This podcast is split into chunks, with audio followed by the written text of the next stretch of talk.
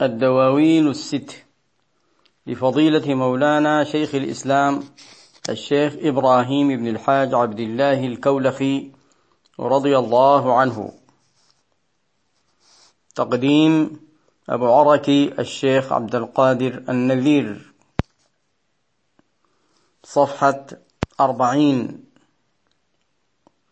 قال رضي الله عنه رفعت حجاب البين والبين لن يطوى وأبعدت إذ أدنيت للحب من يهوى رجوعي من المولى الجليل جلاله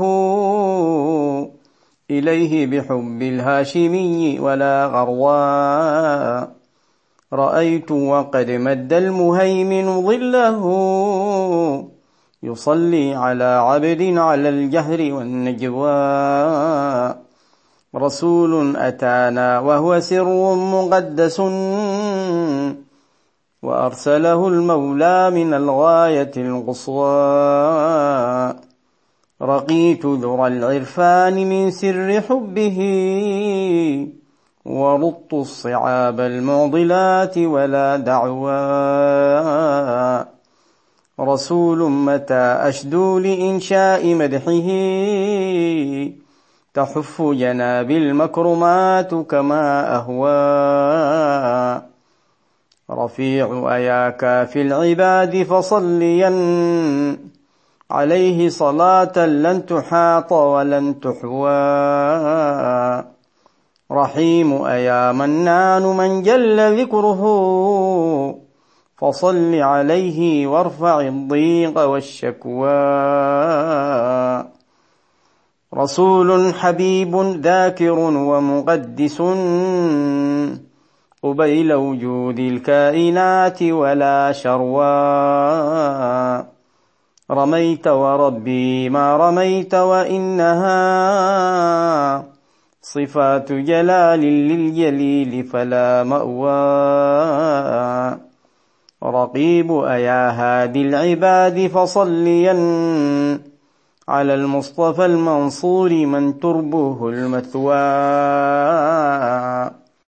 رؤوف أيا شكور وهاب صليا. على المصطفى المختار يا من له المأوى. صلاة عليه مثلما الله عالم. وآل وصحب ما المحب له يهوى. الحمد لله. وأقول مستعينا بالله عز وجل مستمدا من أبوابه. قال الشيخ رضي الله تعالى عنه رفعت حجاب البين رفعت حجاب البين يخاطب. يخاطب نفسه أو يخاطب رفيقا. يجعله وإن لم يكن هناك حسا فهو في المعنى موجود. وهي عادة كثير من الشعراء يمثلون أمامهم رفيقا أو رفقاء ويخاطبونهم. كما قال امرؤ القيس قفا نبكي قفا نبكي. حتى الشيخ نفسه رضي الله عنه في هذا الديوان تجد في أماكن متعددة يقفو هذا الطريق ويسلك هذا المسلك. في مدحه للنبي صلى الله عليه وسلم فيفتتح قصائده بهذا الخطاب. ألما على البحر المحيط وتتركا سواقي لا تجدي ظماء لمن شكا. ألما. خليلي مرابي على حضرة الثنى مغضي لبانات الفؤاد الممزق. وفي أخرى خليلي صفى وقتي وتم لي البسط ولم أر للصب العليل دوا قط إلى غير ذلك فهنا قال رفعت حجاب البين.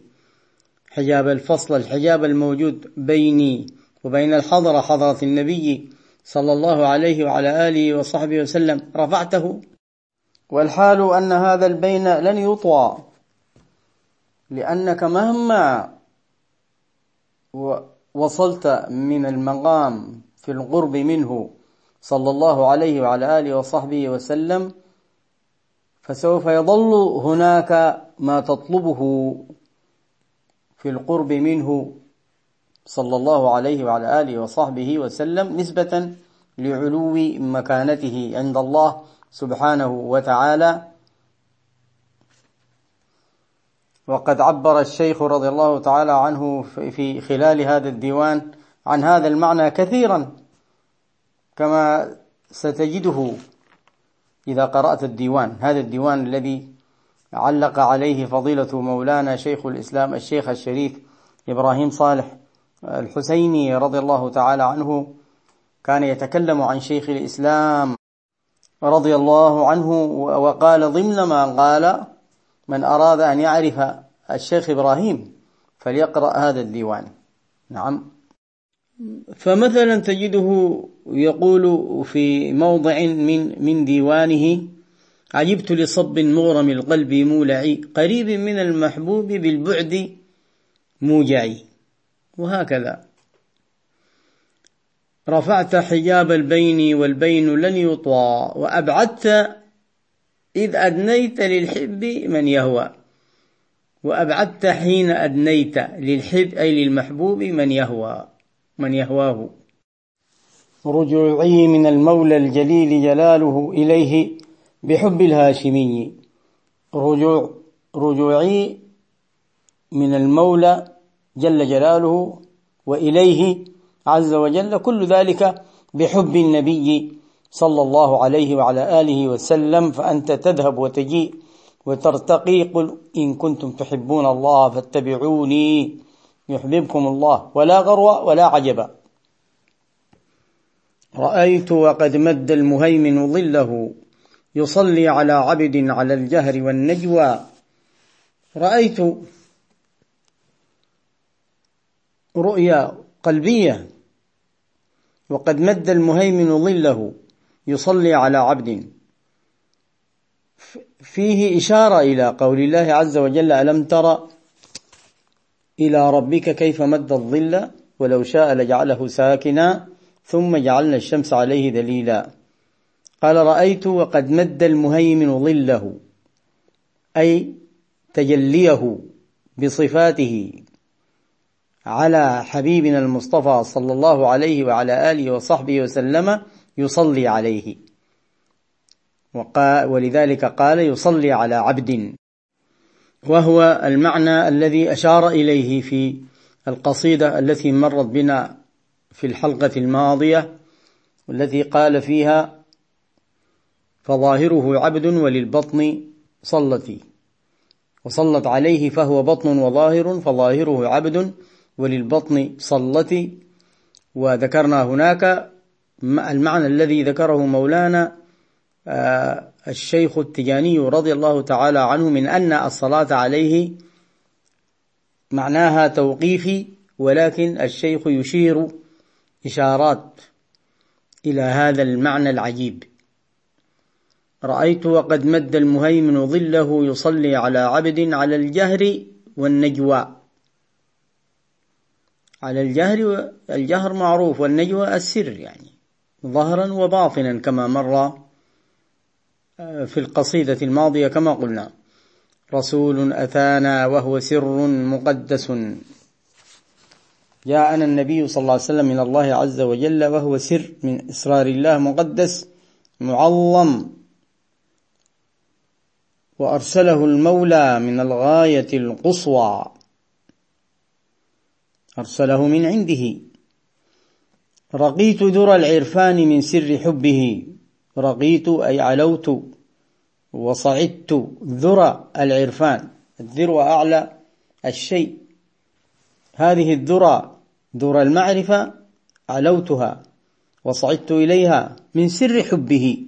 وبهذا يحضنا جميعا على أن نصدق في حبنا له صلى الله عليه وعلى آله وصحبه وسلم. بحيث نحبه أكثر من كل شيء كما ورد عنه هو صلى الله عليه وعلى آله وصحبه وسلم أن من لم يتحقق بهذه المحبة لن يكمل إيمانه لا يؤمن أحدكم حتى أكون أحب إليه الحديث. ثم قال ورط الصعاب المعضلات من سر حب النبي صلى الله عليه وسلم رط أي طوعت الصعاب المعضلات ولا دعوة. أنا لا أدعي وإنما أذكر آه، ما أفاض به علي سيدنا المصطفى صلى الله عليه وعلى آله وصحبه وسلم. كما ذكر هذا المعنى في قصيدة أخرى فقال فمن شاء ذا أو ذاك سيان إنما مرادي ثنى البحر الذي منه أغرف. هو عندما يقول مثل هذه الأشياء مراده الثناء على البحر الذي منه يغرف. وهو بحر المصطفى صلى الله عليه وعلى آله وصحبه وسلم. رسول متى أشدو لإنشاء مدحه؟ تحف جنابي المكرمات كما أهوى. حيثما أتيت لأمدحه صلى الله عليه وسلم تحفني من جميع جوانب المكرمات والمآثر مثل ما أهوى. في قصيدة أخرى قال لأني متى ألزمت فكري مدحه خلصت من الآثام أجمع أكتع إلى آخره. وقال أيضا إذا خمدت فكري مدحت محمدا فصرت ذكاء أزدري بإياسي. تضيء لي الآفاق حتى كأنني أشاهد غيب الغيب دون نعاس ثم نادى مولانا عز وجل فقال رحيم أيا منان من جل ذكره فصل عليه وارفع الضيق والشكوى. اللهم آمين. رسول هو رسول حبيب. مكتوبة عندي في النسخة حبيب بدون تنوين. حبيب ذاكر ومقدس هو مقدس لربه عز وجل معظم منزه. قبيل وجود الكائنات لأنه هو أول مخلوق أوجده الله سبحانه وتعالى فروحه هي التي تلقت تجلي الحق سبحانه وتعالى. فذكر ربه عز وجل وقدس ربه عز وجل قبيل وجود الكائنات ولا شرع ولا أحد معه. وسوف يتكرر هذا المعنى في الديوان كثيرا بطرق مختلفة وعبارات شيقة. ثم قال رميت وربي ما رميت وإنها صفات جلال للجليل فلا مأوى إشارة إلى قوله عز وجل وما رميت إذ رميت ولكن الله رمى. رقيب أيا هادي العباد فصليا. على المصطفى المنصور من تربه المثوى. من تربه المثوى. المثوى المكان اسم مكان معروف يعني. يعني من تربه ربما تربه مكانه الذي هو بالمدينة هو المثوى. هو المكان الذي يجب أن يقصد. من تربه أي مكانه هو تربة خصبة للمعرفة. من تربه المثوى هو المكان الذي نرجو أن يكون تربتنا مجاورين له صلى الله عليه وسلم. من تربه المثوى مدينته.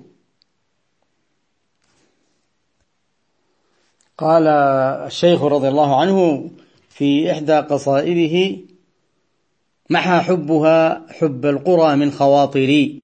فما لندر ذات الشموع البوازغ فما لندن يعني.